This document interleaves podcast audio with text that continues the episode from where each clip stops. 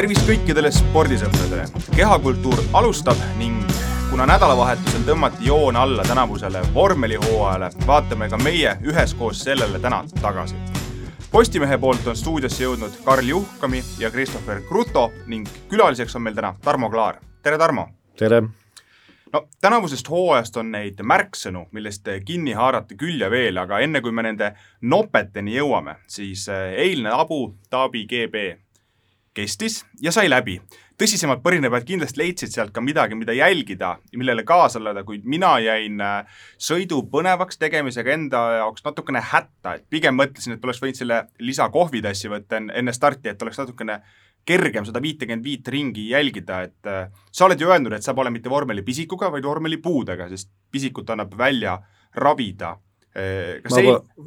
ei vasta tõele, ma pole midagi sellist öelnud, ma olen öelnud, et ma olen sügava võidusõidupuudega oh,. terminites peab täpne olema. terminites peab täpne olema, ühesõnaga nüüd, kui, kui, kui sa selle diagnoosi oled endale pannud, siis kas eilne etapp oli sinu jaoks põnev ja kui jah, siis äh, millele sa keskendusid, mida sa jälgisid? ei olnud põnev, ilmselgelt ei olnud põnev aga no minul on see veidrus küljes, et kuna ma ikkagi võistlusi jätkuvalt ka kommenteerin, siis ajavõtt on mulle ääretult oluline, et äh, aru saada kogu võistluse dünaamikast üldse. et ma vaatan nii telepilti kui ka kõrvalt siis äh, ajavõttu, ametlikku ajavõttu ja see, see annab mingisuguse siis äh, suurema, laiema pildi sellest, mis rajal toimub ja kas üldse toimub. aga nagu ikka, ega seal tagapool ju natukene toimus, aga olgem ausad, see Abu Dhabi no ma ei ütleks, et see rada nüüd ise tingib äh, sellise äh, igava võidusõidu, aga pigem seal need DRS-i tsoonid ja just see DRS on üks kurja juur minu jaoks, mis tuleks vähemalt seal Abu Dhabi rajal kuidagi ümber mõelda no selle Abu Dhabi GP-l äh, pakuti ka vormelisõpradele sellist kõva nostalgiapauku, kui Renault veeretas siin tallist välja noorte sõp-, noorte sõitjate testipäeval osaleva Fernando Alonso auks siis äh, kahe tuhande viienda aasta R5, et äh, sina olid ka sellest elevil? No selle, selle tolleaegse vormel üks auto häälest on kõik elevil, ma toon selle natukene veidra näite võib-olla ka selle aasta äh, Rally Estonial, kui ma olin WRC etapina ta siis toimus, siis oli mul üks äh, ütleme,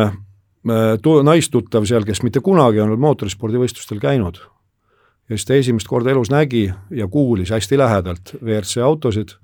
oli see publikukatse seal äh, Tartu Särmi juures ja, ja ta ütles, et see on ju täitsa uskumatu. ma olen juba sõltuvuses ja kaks päeva on veel ees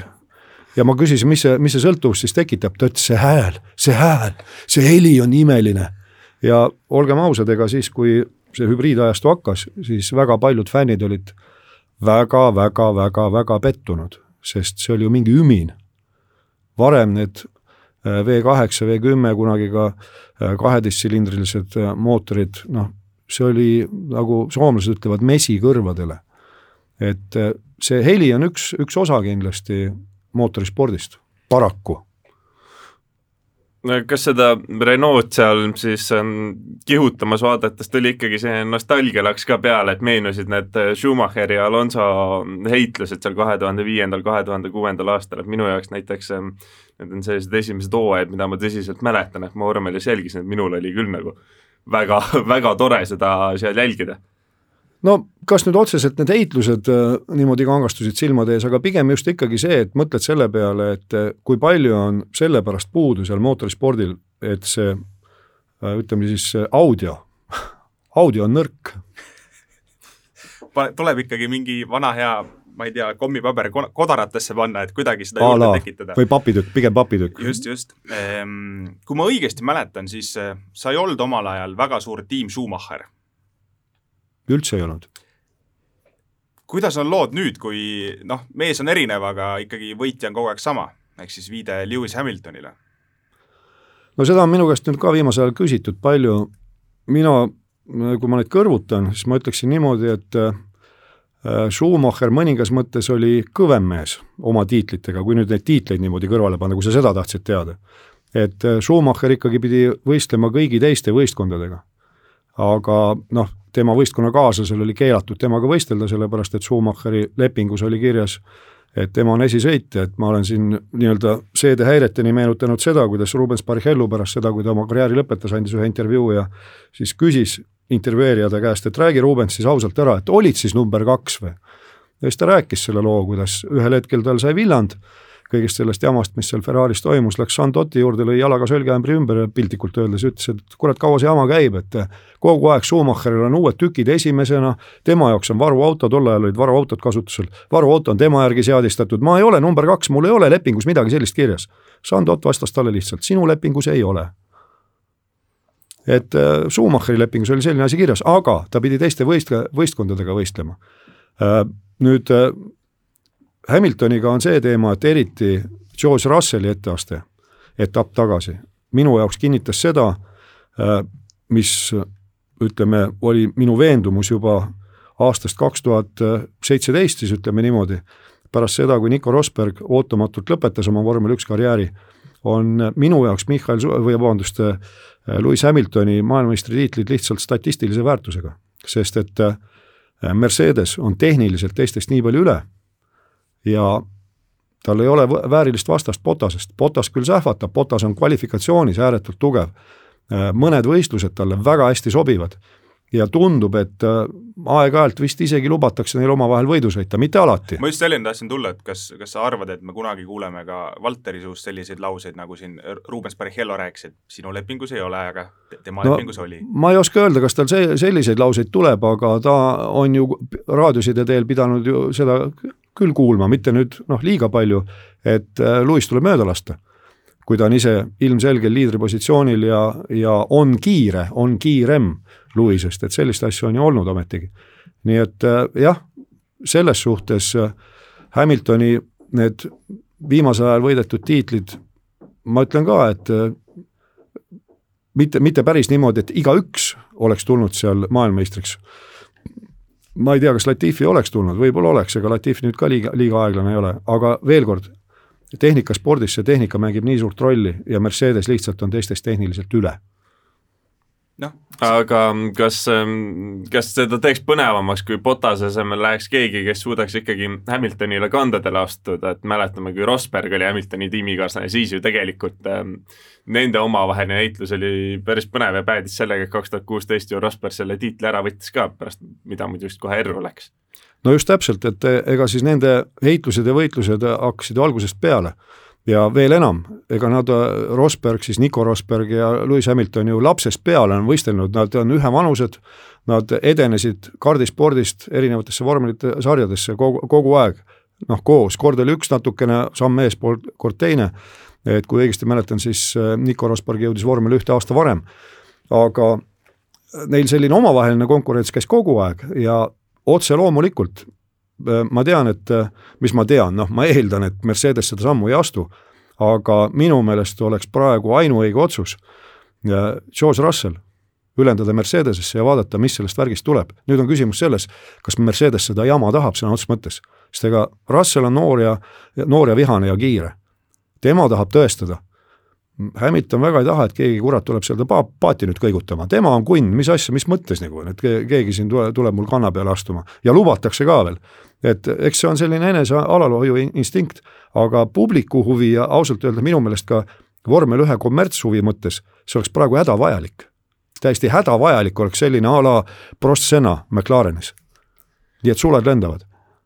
ma muidugi teen sellise karmi kõrvalhüppe praegu, aga, aga arvestades hetkeseisu, siis võib-olla päris julgustav nagu teadmine, et kui sa vaatad nüüd Mercedese seal nendest sõitjate rivis allapoole, siis ühel hetkel hakkab ka sinimustvalge lipukene sealt altpoolt paistma, tõsi väga,, väga-väga sügavalt,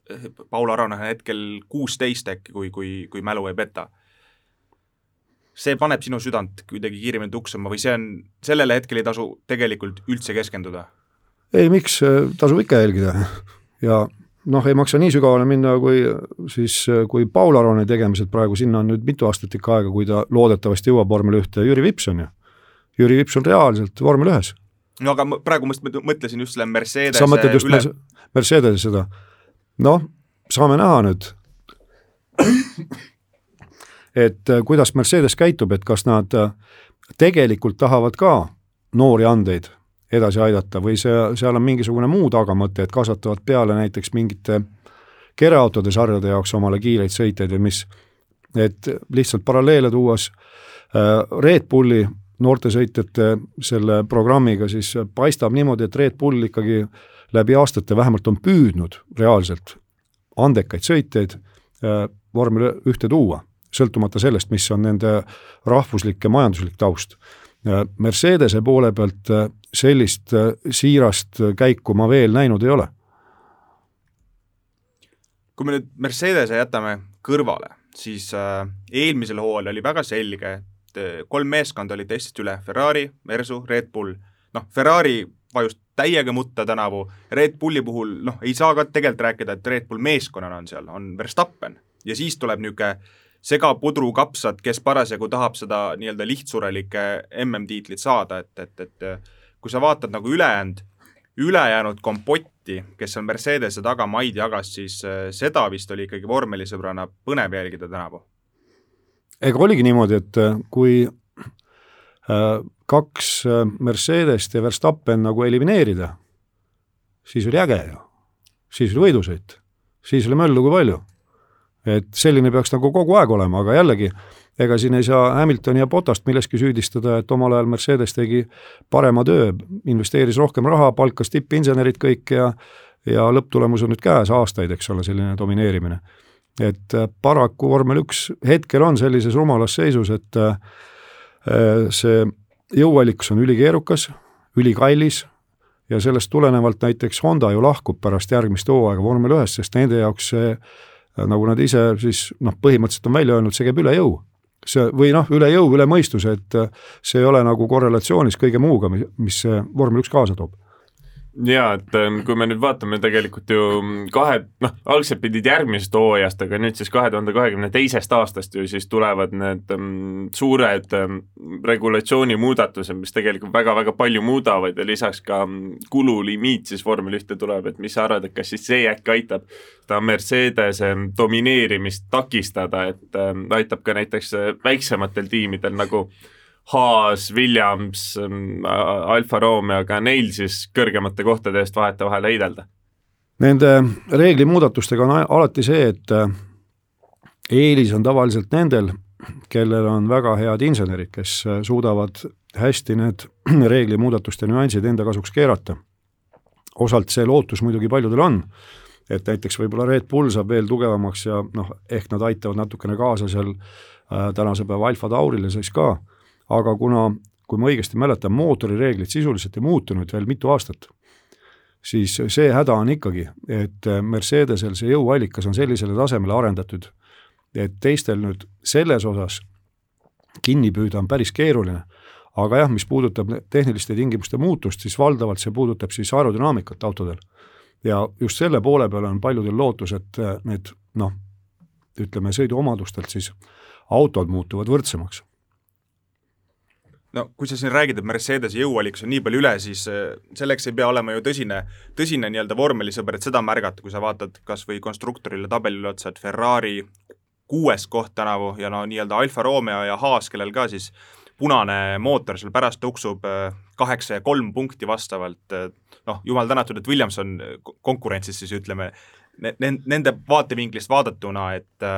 kas sellist põrmu langemist Ferrari noh, nii meeskonna puhul kui siis ka üldse kogu tehnilise arenduse poole pealt öö, oskasid sa karta? ilmselt seda ei osanud keegi karta. ja noh, seda ma olen nüüd viimasel ajal päris palju öelnud, et FIA, Rahvusvaheline Autoliit siis, eelmise aasta lõpus tõestas jälle, et ta tõesti väärib oma nimelühendit FIA, Ferrari International Aid, et sõlmiti siis kokkulepe Ferrari'ga, mida ühelegi teisele võistkonnale ei avalikustatud ja tegelikult ülejäänud üheksa võistkonda, kõik olid väga, väga, väga kurjad selle peale. et äh, mida siis Ferrari rikkus, midagi nad nüüd jõuallika reeglites rikkusid. sest see tants ja trall käis ju eelmise aasta lõpus tükk aega, et kuidagi kummaliselt ühel hetkel aasta teisest poolest äh, Ferrari muutus märgatavalt tugevamaks, kui ta varem oli ja, ja kahtlustati just seal äh, jõuallika osas mingisugust noh, ütleme, ebareeglipärasust või reeglite rikkumist ja ilmselt sellega ka hakkama saadi. aga et neil ka see auto nii kehv on, seda ju näitas see, et täpselt nagu sa ütled, et kõik need kolm võistkonda, Ferrari kaasa arvatud ise, kellel olid kasutusel siis Ferrari jõuallikad, nad olid kõik mudas ju. ja nüüd oli ju pa-, vähe, paar võistlust vähemalt, kus parim äh, Ferrari jõuallikaga sõitja oli Kimi Raikkonen, Raikkonen sõidab mitte Ferraris, ta sõidab äh, Alfa Romeos, nii et äh, ja noh, Sebastian Vettel, neljakordne maailmameister, ta ei ole sõitmist ära unustanud. Charles Leclerc, oma põlvkonna üks kiiremaid, andekamaid vendi. et see näitab veel kord, et tehniliselt ikkagi Ferrari'l tuli tohutu tagasilöök ja siin on spekuleeritud selle ümber, et noh, Bernie Ecclestone,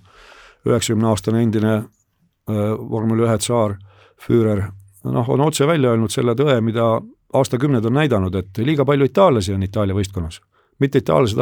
mitte et itaallased halvad inimesed oleks, aga kuidagi seal, nagu Ecclestone siin viimases ühes oma sõnavõtus ütles, et ilmselt probleem on selles, et neil kõigil on egod suuremad ju kui maailm. kõik tahavad olla ülemused, aga niimoodi ei saa. keegi peab kuskil seda juga juhtima ja, ja ülejäänud peavad alluma ja jällegi, kui läheme tagasi sellesse perioodi, kui Ferrari tohutult võitis Schumacheriga, siis äh, tiimipealik oli ju prantslane Jean Tott, tehnikadirektor oli britt Ross Braun, auto peakonstruktor oli lõuna-aafriklane Rory Byrne, sõitja oli sakslane. noh, see oli rahvusvaheline seltskond, kes seal toimetas. et äh, see tundub, et ongi nüüd äh, minetatud Ferraris, et Ferrari ühel hetkel võttis selle joone, et edutame noh, tähendab rahvuslikult pinnalt oma andekaid insenere ja teeme ikkagi sellise noh, mitte päris niimoodi, et teeme Itaalia suureks, eks ole, aga mõte oli ikkagi see, et äh, puhtalt oma võistkond, aga paistab, et mingil põhjusel see ikkagi ei toimi, sellepärast et äh, Mattia Binotto, kes nüüd on tiimipealik olnud, tema kohta ka vormel üks siseringis öeldakse, et ilmselgelt on tegemist ääretult andeka inseneriga, ja ta lihtsalt on vale tööposti otsas, muud, muud probleemi polegi. et ta peaks jätkuvalt tegelema seal selle jõuallikaga, seda reeglite pära, päraseks liht-, lihvima ja niimoodi, et noh, nagu ütles üks suur kommunistist kõrilõikaja, et kaadrid otsustavad kõik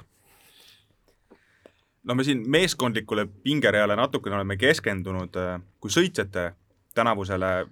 reale otsa vaadata, siis neljandalt kohalt vaatab vastu Sergio Perez'e nimi mees, kes kahel etapil tänavu ei sõitnud koroona tõttu ja Racing Bulliga neljas koht ja mehel pole uueks aastaks tööd. jah, see on see vormel ühe võlu ja valu, et täiesti absurdne olukord, eks ole. et üks kindlama käega mehi tohutu kogemusega, nüüd ka siis lõpuks ometi etapivõitja ja tal ei ole tööd, et minu seisukoht on selline, et muidugi, mina ei ole kunagi multimiljard, miljardär olnud, eks ole, aga äh, Lawrence Strolli asemel mina oleks äh, oma poja Lance Strolli Racing Pointis jätnud varusõitjaks, sest poiss teab, mis suunas sõita enam-vähem äh,, teab, kuidas roolis istuda ja oleks palganud siis, kui Vettelit nii väga taheti, hea küll, las see Vettel olla, aga Perezi oleks jätnud, päris kindlasti kohe et äh, noh, absurdne olukord, sellepärast pärast seda etapivõitu ja ka Lawrence Stroll ütles, et ei no ikka Perez ikka peab vormel ühte jääma. oota, mis mõttes, ise andsid kinga talle, nüüd ütled, peab jääma. et noh, selline kahepalgelisus, ütleme siis niimoodi, et et kahjuks nii, nii see käib seal vormel üks maailmas jah, et tihtipeale neil sõitjate valikutel ei ole nagu mitte mingisugust loogilist põhjendust ühest küljest. teisest küljest tihtipeale, kui sügavuti minna, on mingisugused allhoovused, äh, mida jälgides sa saad aru, et miks nii tehakse, nagu tehakse nagu ma olen korduvalt meenutanud, kuidas valitsevalt äh, maailmameistrit hakati ruineerima kaks tuhat kaheksa ja Räikkönen puksiti välja Ferrarist sel põhjusel, et tuli masu peale, Ferrari oli rahahädas ja oli vaja Santanderi rahasid. Ja nii lihtne see oligi tol ajal. Ja kui me mõtleme Perezi peale, siis noh, vormel ühes on ikka olnud seda, et on väga talendikad sõitjad, kellel pole seda finantsilist tuge ja seetõttu siis kohati, et tegelikult Pereziga ju tulevad kaasa ikkagi suured-suured rahad, mis ta siis sealt äh, Mehhiko suurkorporatsioonidega kaasa toob, et selles mõttes ka väga üllatuslik valik, et ükski tiim teda üles ei korjanud aga on jutud ju, et ta võib pääseda Red Bulli rooli, muidugi Stalbo on siin ka hooaja lõpus, noh, on näidanud, et mingisugust tempot on nagu on, eile ta ju ka neljandana finišisse tuli, et mis sa arvad, et kes selle Red Bulli teise sõitja koha siis Verstappeni kõrval ikkagi lõpuks ära võtab? No see Red Bulli sõitjate valik on tihtipeale küll selline asi, et tundub, et terve mõistusega pole seal midagi pistmist. et neil on küll see oma sõitjate programm, kus ka Jüri Vips sees on ja noh, Vipsi see superlitsentsi saamine, müts maha Red Bulli ees, et Red, Red Bull ikkagi seda võimaldas tänu FIA reeglite lõdvendamisele seoses koroonaga see võimalus tekkis ja või-, see võimalus ära kasutati, mis näitab siis seda, et nad ikkagi tegelikele talentidele ka tähelepanu pööravad. Äh, teisipidi nad pööravad äh, tegelikele talentidele selles mõttes tähelepanu, et kui neil oma programmist võtta ei ole, siis ajalugu ju näitab, et seda nad on teinud. kõige ehedam näide on Max Verstappen. Max Verstappen ei ole kunagi olnud äh, Red Bulli noortesõitjate programmis. lihtsalt Red Bull napsas ta Mercedese ninalt ära, Mercedesel ei olnud pakkuda vormel üks piloodi kohta järg-, järgnevaks aastaks ja Red Bull pakk-, pakkus tol ajal ja nii lihtne see oligi, et äh, praegune seis on selline, et äh, ma-, Max on üli, ülikiire, eile ta etapi võitis äh,, sõidab juba ka üsna veatult, sellised ütleme noh, teismelise lollused hakkavad vaikselt selja taha jääma kogemust koguneb, vend saab aru, et iga võistlust ei pea võitma, aga talle on tõesti kõrvale vaja kiiret ja stabiilset teist sõitjat ja Albon minu pettumuseks selline ilmselt ei ole, noh, üks on see, kui inimene on nagu aeglane õppija. Teine on see, kui noh, sa ootad, loodad ja järjepanu sealt ei tule, ei tule, ei tule. et tegelikult praegu tundub niimoodi, et Albonil siis kas see keskkond ei sobi või mis, alamastme sarjades ta on näidanud, et ta on väga kiire ja väga kohanemisvõimeline. nüüd millegipärast Red Bullis noh, ta on justkui minetanud need, need omadused. et selles mõttes äh, väga võimalik, et äh, Red Bull vaatab jällegi oma farmist väljapoole nii-öelda no tegelikult on ju ka Alfa Tauris üks väga kiire mees, Per Gasly, kes siis ka tänavusest hooajast siis mm, Monsas nüüd etapivõitja on, et mm, tõesti suurepärase saavutusega seal hakkama sai. eelmine hooaeg ta Red Bullis oli, aga siis ta läbi kõrbes, et mm, kas tema võiks ka kunagi uue võimaluse saada või arvad, et tema jaoks on see uks juba lõplikult suletud?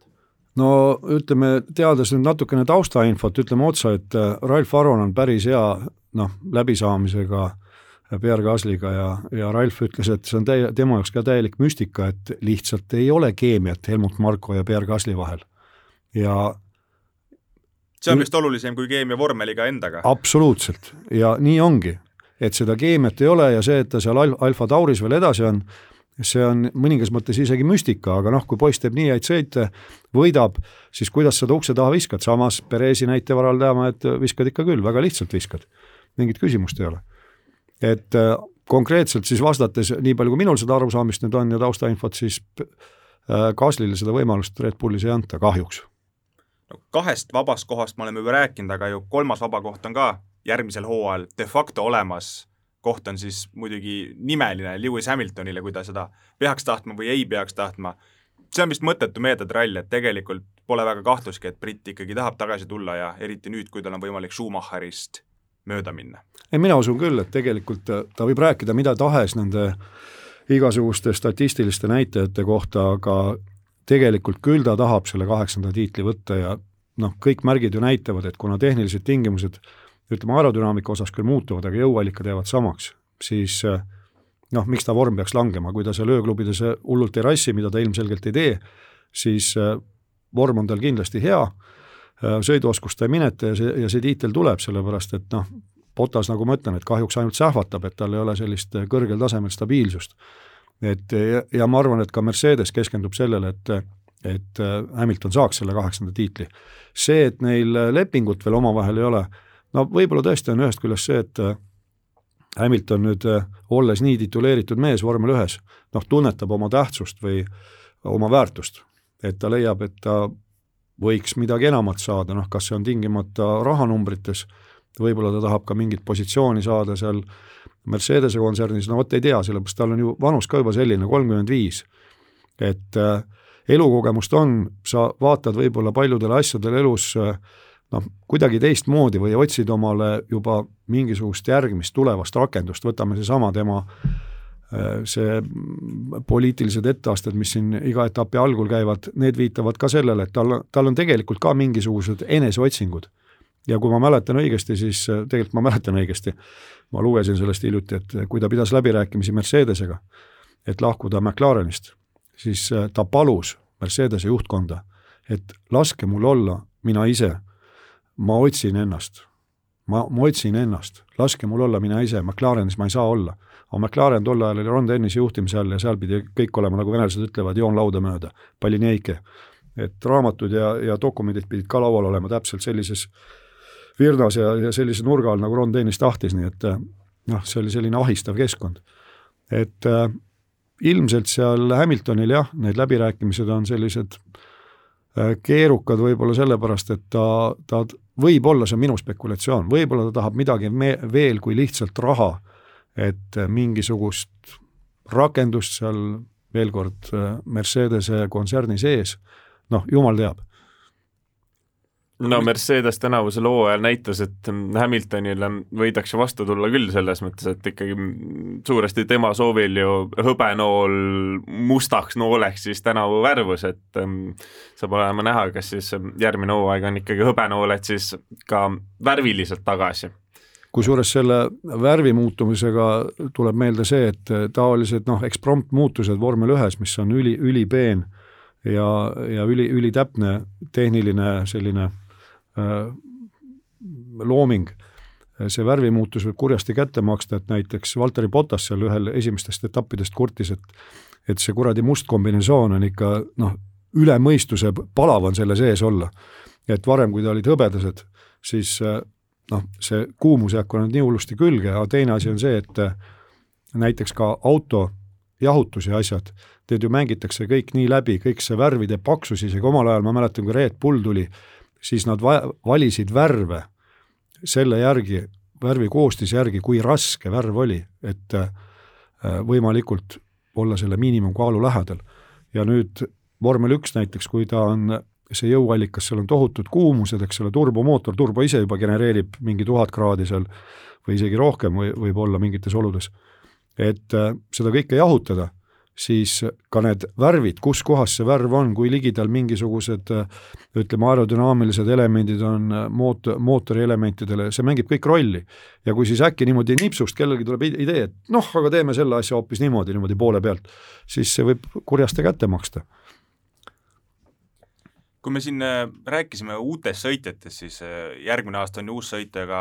neljakümnendat juubelit tähistab Fernando Alonso, et äh, noor sõitja just, et just see termin ongi vist ilmselt see, mis noh, meiesugustele põrindapeadele muidugi tore, retro, nostalgia laks, no muidugi tore fakt on ka see, et Alonso ja Raikkonen ta saavad taas koos sõita Schumacheri ja Verstappeniga, mis siis, et vahepeal on põlvkond vahetunud, on ju. aga noorel sõitjal võib ikka rõvedalt masti maha võtta, kui lihtsalt eelistatakse, võetakse tagasi kutt, kes siin kaks aastat tagasi teadis, et ah, aitab küll ei, loomulikult, et äh, selles mõttes, eks see vormel üks ongi keeruline, et seal on kakskümmend kohta ainult ja igal aastal kasvab peale noh, oma teada vähemalt kolm ülikõva venda vormel kahest. ja nüüd sul ei pruugigi kohta olla üldse.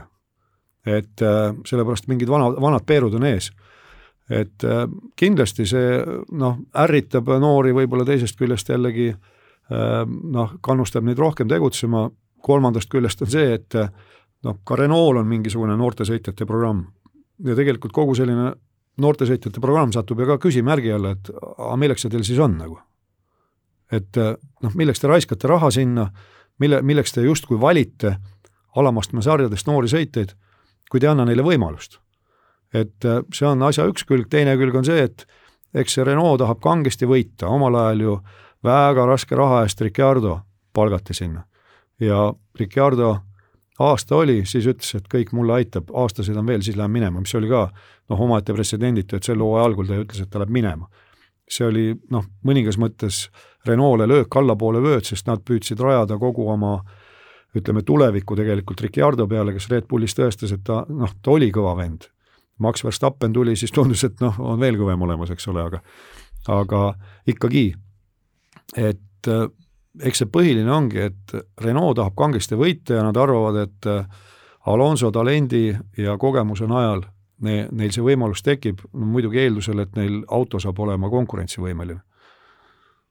mida sa arvad üldse sellest, et ähm, Alonso ja siis teised sellised vanemad tegijad ähm, saavad näiteks Robert Kubica ja ka Sebastian Buemi saavad siis proovida noorte sõitjate testil seda vormelit, et tegelikult ju noorte sõitjatega tegu ei ole, kui põhimõtteliselt passis kohe nelikümmend tulemas on või siis juba üle kolmekümne kirjas. jah, see on selline naljakas asi, et äh, algselt oli ju reeglites kirjas niimoodi, et seal noorte sõitjate testil, mis nüüd, mis nad hakkavad siis homme vist hakkavad homme, pihta. Abu Dhabis, kus ka Jüri Vips siis sõidab, et äh, reegel oli selline, et seal tohivad osaleda need võistlejad, kes on seni osa võtnud, startinud, mitte osa võtnud, startinud äh, kahel vormel üks etapil. ja nüüd siis käesoleva nädala noortesõitjate äh, testideks seda natukene muditi, seda reeglit. et kes on osalenud ja, või tähendab, kes on startinud kahel võistlusel, aga mitte lihtsalt üleüldse ajaloos, vaid aastal kaks tuhat kakskümmend ja selle alla ilusasti siis Alonso läks, et see oli nüüd uue selle võistluste juhi Michael Maasi, austraallase reeglite tõlgendus. et mis oli noh, päris, päris, päris kummaline. aga selle koha pealt on muidugi sul küsimus asjakohane, et vormel üks on ju selline unikaalne äh, spordiala, kus äh,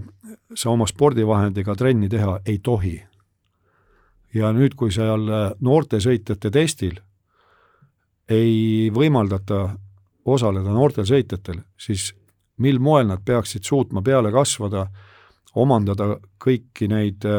ütleme siis protseduure, mis seal vormel üks võistkonnas on, see on päris keeruline ju, sul on tohutult inimesi ümberringi, see ei ole niimoodi, et hüppad autosse, keerasid võtit või vajutasid nuppu, läks mootor käima ja tuld rajale, seal on ju väga-väga palju asju, protse-, konkreetseid protseduure, mis tuleb läbida, mida sa pead teadma, kuidas teha, mis järjekorras teha, selleks, et ennem üldse rajale saada. et seda peab kõike harjutama ju. ja, ja nüüd seda siis ei võimaldata tegelikult ka noortele sõitjatele, et see on hästi pentsik äh, tänasel päeval vormel ühes tegelikult. ja eks selle ümber on palju ka arutletud ja vaieldud, et kuidas siis, mida teha ja kas teha ja, ja kahjuks selliste mõistlike otsusteni pole jõutud, pigem vastupidi, et see Alonso näide just näitab ka seda, et et minnakse hoopis noh, otse öeldes jaburusteni kuigi jah, põhjendus on see, et kuna Alonso saab sõita selle aasta autoga ja järgmisel aastal tehnilised tingimused muutuvad, si-, siis äh, tal ongi lubatud sõita selle autoga, mis tähendab seda, et ta ei tee mingit arendustööd. et äh, selles kohas, selle koha pealt tähendab nende oponentide väited, et tal on mingi eelis teiste sõitjate ees, näiteks Vetteli ees või Sainzi ees, kes tiimi vahetavad, ei vasta tõele, ei vasta tõele. et noh eks loll on see, kes põhjendust ei leia, aga, aga tegelikult tõesti noh, elu on näidanud, et seal vormel ühes aeg-ajalt reeglid on justkui paigas, aga siis neid hakatakse väänama mingi väga veidra nurga alla no jah, nii palju, kui mina aru sain, siis oli tõesti FIA president John Dott ise siis, kes lõpuks ütles selle lõpliku otsuse, et jah, teeme ikka nii, et Alonso saaks sõita. et noh, ka võib-olla ikkagi vanast ajast tuttavad ja Alonso ütles ka, et kuule, tahaks ikka selle Renault'ga natuke põristada seal Abu Dhabi raja peal. nojah, põristamine on nüüd nagu natukene niimoodi tagasihoidlikult öeldud, aga ei no selge on see, et teatud ringkonnad kindlasti tahavad seda, et Alonso oleks nii-öelda tippvormis, kui ta tagasi tuleb, et ta ei töllerdaks seal kuskil tagaotsas, et ta noh, nii-öelda endale häbi ei teeks. eks selle nimel kogu see tants ja trall käib. ei ole Schumacher Vol kahte vaja? ei ole vaja jah kusjuures noh, see on omaette teema jah, okei okay. me noore sõit, noorte sõitjate juurde Vipsi tõttu veel tuleme, aga ma korraks tahaks hüpata ühe meeskonna juurde, keda me puudutasime ka hooaja eel, kui sa meil siin ka külas käisid, see oli Williamsi meeskond. Siis sa ütlesid selgelt välja, et Claire Williams võiks sealt jüüri juurest lahkudes need asjad ei suju. noh, nüüd on see tehtud muidugi selle tulemusena, et Williams müüs üldse kogu oma meeskonna maha, aga õnneks nimi siis jääb, aga kas selle tulemusena nüüd võiks ka F1-s vahetuda punane latern, eriti kui vaadata, kuidas siin Ferrari jõuallikad veel töötavad? no kes seda teab, et kõigepealt las nad äh, töötavad sisse ja ma hetkel ausalt öelda, mulle ei meenu, kes see tiimipealik seal on. jällegi, kõik oleneb sellest, mida need äh, uued omanikud tahavad ja kuidas nad neid asju korraldavad. et kui need uued omanikud äh, tahavad lihtsalt seda sära ja ja, ja muud äh, sellist kuulsust, mida vormel üks justkui annab, ja nad ei keskendu põhilisele, ehk siis äh, auto arendamisele, siis see punane latern ei muutu. aga seda on veel vara öelda, et mis nende tegelikud kavatsused siis on lõppude lõpuks, sest see on mingisugune, kuidas seda öelda siis, seltskond investoreid, kes on selle Williamsi siis ära ostnud, et minu jaoks natukene segane lugu, et ei tea üldse, mis äh, Williamsist saab, milli-, milliseks tema elulõng kujuneb edaspidi. jaa, aga jah, tõesti enne, kui me siin ikkagi Eesti vormelimaailma kõige põletavamast nimest räägime, et siis ka tegelikult äh, siin paar nädalavahetust tagasi toimus üks väga, väga tõsine avarii vormel-ühes, mis tegelikult näitas ikkagi ära, kui turvalised need masinad on, räägime muidugi Roman Grosjeani seinasõidust Bahreini GP kolmandas kurvis, et äh, mis emotsioone see sinus tekitas ja kuidas sa arvad, et äh, noh, et um, oli Halo ikkagi siis õige valik omal ajal? no mina sellise vana Peeruna olin meeletu selle Halo vastane sellepärast et just sellepärast, äh, millega seda põhjendati, äh, mis näiteid toodi, et äh, milliste õnnetuste läbi nagu peaks selle halo siis vormel ühte tooma. Ja need olid täiesti jaburad põhjendused, noh üks oli muul, muuhulgas Henry Sotiisi õnnetus, kus ta sai konkurendi rattaga lagi pähe, see kukkuski taevast alla pähe talle tegelikult ka. ja seal see halo poleks mitte midagi aidanud noh, samamoodi on natukene kaheldav seal see äh, Felipe Massa vedruga näkku saamine. aga antud situatsioonis äh, jah, selle koha pealt, äh, mis ma nüüd sõnu pean sööma, aga pean ütlema, et äh, antud situatsioonis äh, nagu kõik need kaitsevahendid, mis olid autol küljes ja, ja ka rajapiire, toimis, kuigi rajapiiri mõningas mõttes nuripidiselt nagu, et, et ta andis seal järgi ja see tekitas hoopis teisi mõtteid aga põhimõtteliselt võib öelda küll, et kui sa konkreetselt selle Halo kohta küsid, siis antud situatsioonis mängis Halo suurt rolli, et Grosjean on meiega jätkuvalt. ja oma perega eelkõige muidugi. aga mis ta, ütleme, see õnnetus, eks seal FIA-l on kõvasti analüüsimist, äh, näitas seda, et tuleb ikkagi väga selgelt läbi mõelda, kuidas need piirded, mis nurga all nad rajaga on, sellepärast et sisuliselt ja Grosjeanil oli peaaegu laup kokkupõrge see piire jooksis nurga all niimoodi sirgele ja noh, seal olid omad põhjused, miks ta omal ajal tehtud, aga põhiline see, et ilmselt äh, kui seda rada omal ajal ka modelleeriti, kõik, kõikvõimalikku, mis seal juhtuda võiks, siis see oli küll näha, et nagu väliskurvis, seal oli küll, ütleme, see rehvivall oli ees ja kõik ja ta jooksis enam-vähem sama nurga all, see,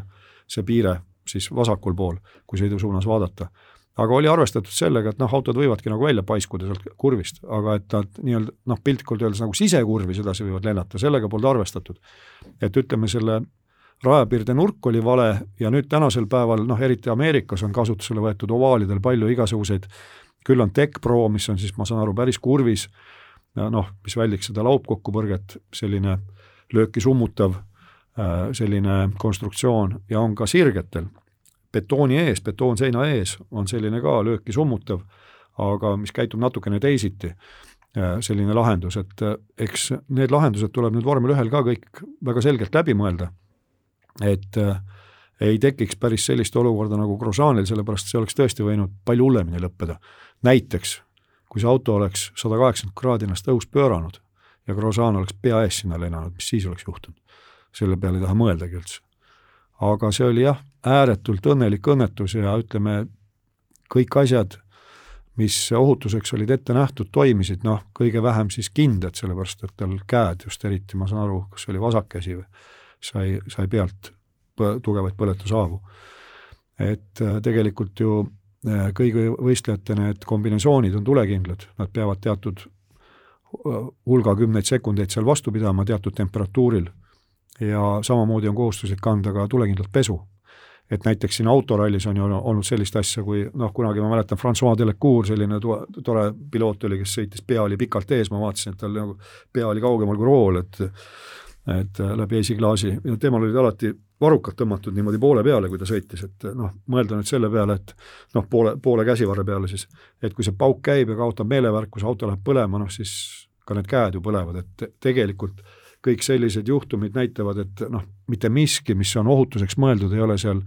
kuidagi nalja pärast või, või siis selleks, et noh, kellelegi meeldib. et äh, reeglina, nagu mu kadunud isa armastas öelda, et kõik ohutustehnika reeglid on kirjutatud kahjuks verega. et nii ta ongi jah, sellise tõsise pausi pealt hüppame nüüd äh, Jüri Vipsi lainele, et äh, see oli novembri teine nädalavahetus, kui ilmnes, et äh, Vips on käinud salaja testimas, saanud selle F1 litsentsi ja siis võetud kaasa Türgi GP-le, et äh, mida sinu süda sel hetkel tegi, kas sa olid sama õhinas kui, kui ütleme, valdav osa Eestis, kes tegelikult neid nüansse nii täpselt ei tea, või sa olid niisugune rahulik, ütlesid, et järgmine verstapost lihtsalt? no eks ma olin seal kuskil kahe vahepeal, et äh, loomulikult ääretult hea meel oli, sellepärast et noh, Vipsi see hooaeg ju temast mitteolenevatel asjad, asjaoludel läks täielikult aia taha. Äh, Jaapanisse teda lihtsalt sisse ei lastud, mitte üksi teda, ka teisi, noh, väga valikuliselt seal oma sõiteid jaapanlased lubasid nii Euroopas sõita kui ka, kui ka Jaapanis, aga ta ei saanud ühtegi täishooaega korralikult sõita. Ja jumal tänatud, et tuli see FIA reeglite leevendus siis, et äh, mis nägi siis seda, et, et kui sa ei ole neljakümmet punkti, superlitsentsi punkti kogunud möödunud kolme hooaja jooksul, siis anti lisavõimalus, et äh, möödunud neljast hooajast pikendati nagu ühe hooaja võrra, aga kolm paremat läheb arvesse ja kui sul on vähemalt kolmkümmend punkti ja Vipsil selle arvestuse järgi oli kolmkümmend kaks punkti, siis ja nüüd hakkame lugema seda tiraadi kui sa oled kaheksateistkümne aastane, kui sul on kehtiv autojuhiluba, äh, kui sa oled läbinud kolmsada kilomeetrit äh, vormel üks autoga, siis võib sulle omistada äh, vormel üks superlitsentsi, juhul kui FIA leiab, et sa oled selle vääriline. see viimane punkt on muidugi kuldne, kui sa oled vääriline. just nimelt. ja nüüd FIA leidis siis, et ta on vääriline pärast seda, kui ta oli siis selle kaks aastat vana Red Bulliga, kui ma õigesti mäletan, Silverstone'is see kolmsada kilomeetrit sõitnud. Nii et äh, muidugi, eks äh, Vipsi kasuks rääkis ka see, et ta sai ikkagi pisteliselt sõita ka vormel kahte ja tuli ka poodiumile. nii et äh, ja kui te jälgite neid tema tegemisi siis seal rajal, siis noh, eks ta siin noor ja tuline ja ah, äh, siis Ralf Aroniga nad siin kaks aastat tagasi põrkasid kokku spaas ja olid noh, nüüd nad saavad läbi jälle, aga siis nad olid ikka nagu kass ja koer. et äh, tegelikult Vips sel hooajal ka, see katkestamine näiteks, mis tal tuli Sotšis, kui õigesti mäletan, teises sõidus, siis see ei olnud üldse tema viga. ta lihtsalt sattus ahela avariisse, kus konkurent sõitis tal tagant sisse. et äh, selles mõttes äh, noh, Vips on tõesti näidanud, et ta on peaga sõitja ja kiire ka ja ütleme siis niimoodi, et FIA tuli vastu. Aga oled sa selles osas hämmingus, et Vipsil ei antud nüüd siin äh, viimastel etappidel vabatreeningutel kordagi võimalust, et äh, see on ju see koht, kus põhimõtteliselt saaks neid neid väikseid minuteid ja ringe kirja saada oma treeningvahendiga, kuhu sa muidu jumala eest istuda ei tohi, et äh, ma kahtlustan, et siin mõne, mõnel teisel sõitjal oleks Bahreini ringrada nüüd tundmatumaks jäänud seetõttu, et ta ei saanud ühel vabatreeningul osaleda. No sellega oli nii ja naa, ma ise mõtlesin ka, et noh, äkki antakse võimalus, Türgis ma kindlasti ei uskunud seda, et antakse, sellepärast et eh, noh, Türgis, kes seal viimati praegustest vormel üks sõitjatest üldse sõitnud on. Kimi. jah, et see oli ilmselge, et, et seal antakse maksimaalselt võimalus kõigile põhisõitjatele, aga noh, õhkõrn lootus oli, et äkki, äkki mõni vabatreening loovutatakse talle, aga teisest küljest noh, igati loogiline, et ta oligi nüüd selline noh, varuvariant nii-öelda, kui, kui midagi väga pahasti peaks seal minema. ja seda ma uskusin küll, et kui ta nüüd selle superlitsentsi sai, siis järelikult Red Bullil on temaga mingisugune tõsisem plaan ja ja vasta seal noor, noortesõitjate testil ikkagi osaleb, mis nüüd äh, homme siis pihta hakkavad need testid ja, ja seal ta tõesti osaleb. ja lisaks sellele noh, Marko Asmer siin mingi aeg tagasi andis märku, et äh, no mis ta andis märku, sai pinnitud natukene et äh, ilmselt midagi seal vormel kahega susiseb ja noh, vormel kahte ta nüüd ka testis high-techiga, et äh, mida nad seal täpselt testisid, noh, kes seda jälgis, siis see oli omaette ooper selline, et äh, vaatad, vahepeal sõidab kümme sekundit aeglasemalt äh, kümmekond ringi ja mitte üksi tema, vaid ka, ka teised vormel kahe tipud. et see on jällegi, mis programm kellelgi on, aga ilmselt siis Jüri Vips järgmine aasta teeb täisprogrammi vormel kahte, mis on väga mõistlik. Ja ma tikun arvama, et äkki järgmine aasta antakse tal võimalus ka nendel esimestel vabatreeningutel osaleda, et see oleks selline igati mõistlik ettevalmistus liitumaks vormel ühega, sest olgem ausad, ega kui ta tänavu oleks niimoodi äkki visatud sinna rooli, hoolimata sellest, et ta on simulaatoris üksjagu sõitnud, et ta on selle kaks aastat vana vormel ühega või kahe aasta taguse vormel üks mudeliga siis kolmsada kilomeetrit sõitnud, siis noh, ega see ei ole ikkagi piisav ettevalmistus selleks, et minna võistlust tulla ja, ja kohe tulemust teha. Kui me nüüd võtame, et äh, Vips saab äh, järgmine hooaeg teha tõenäoliselt siis kaasa täisprogrammi F2-s, saab sealt väga, väga väärtuslikke kogemusi. Äh, Pierre Gasly Helmut Markoga silmast silma asju ei näe, tõenäoliselt tema sealt millalgi ikkagi lahkumas on, et kas siis Alfa Taurisse näiteks kahe tuhande kahekümne teisel aastal võib siis äh, äkki tekkida Vipsile koht, kus siis F1-s sõita no mina arvan, et see on üsna reaalne, sellepärast et ega siis Red Bull on ju näidanud, et eks nad on oma äh, äh, praeguste endiste sõitjatega ikka üsna halastamatud ja Alfa Tauri neil ju reeglina äh, siiamaani on olnud selline just see pealekasvu võistkond nii-öelda, et noh, see oleks igati loogiline käik. Ja ma arvan küll, et Kaslile öeldakse, et äh, noh, pärast järgmist, ma saan aru, et järgmiseks hooajaks tal leping on vist Alfa Tauriga, aga pärast järgmist öeldakse või juba selle hooaja algul siis, siis kaks tuhat kakskümmend üks algul öeldakse, et noh, oli meeldiv, aga nüüd palun, et otsi nagu uusi jahimaid omale järgmisest hooajast. et see oleks igati loogiline. ja Yuki Tsunoda nähtavasti järgmine aasta siis Kviati asemel on seal Alfa Tauris, eks näeb, mis sest äh, Albonist saab, noh, Albon on ju seotud äh, Taiga tegelikult läbi oma äh, ema eelkõige, ma saan aru, et Tai litsentsi all ta ju sõidabki, kuigi ta on üles kasvanud Suurbritannias. et selles mõttes nagu justkui Briti poiss, eks ole. et eks see natukene see keeruline on, see Red Bulli Äh, noorte sõitjate edenemine vormel ühte, aga mina ütleks, et lootused on ikkagi päris suured ja, ja mulle tundub, et ka üsna reaalsed, et kaks tuhat kakskümmend kaks vips võiks täitsa olla vormel ühes, muidugi juhul, kui järgmine hooaeg läheb tal ladusalt. kui, kui seal tulemust ei tule, ükskõik mis põhjusel,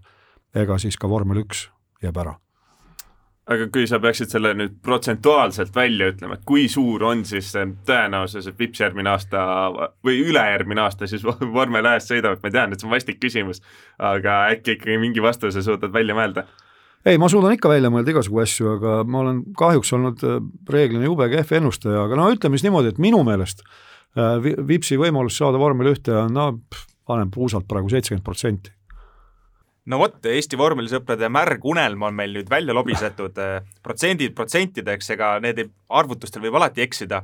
aga kui koroonapandeemia lubab, siis äh, uuele hooajale antakse avapauk märtsi lõpus Austraalias. Esialgse plaani järgi on kavas kakskümmend kolm võidusõitu, mis tegelikkuses meile aeg toob, noh, eks aeg näitab, mis, mis, mis kõik saab, aga, aga meie jaoks on ruudulipp äh, tänaseks langenud ning kehakultuur on uuesti eetris järgmisel nädalal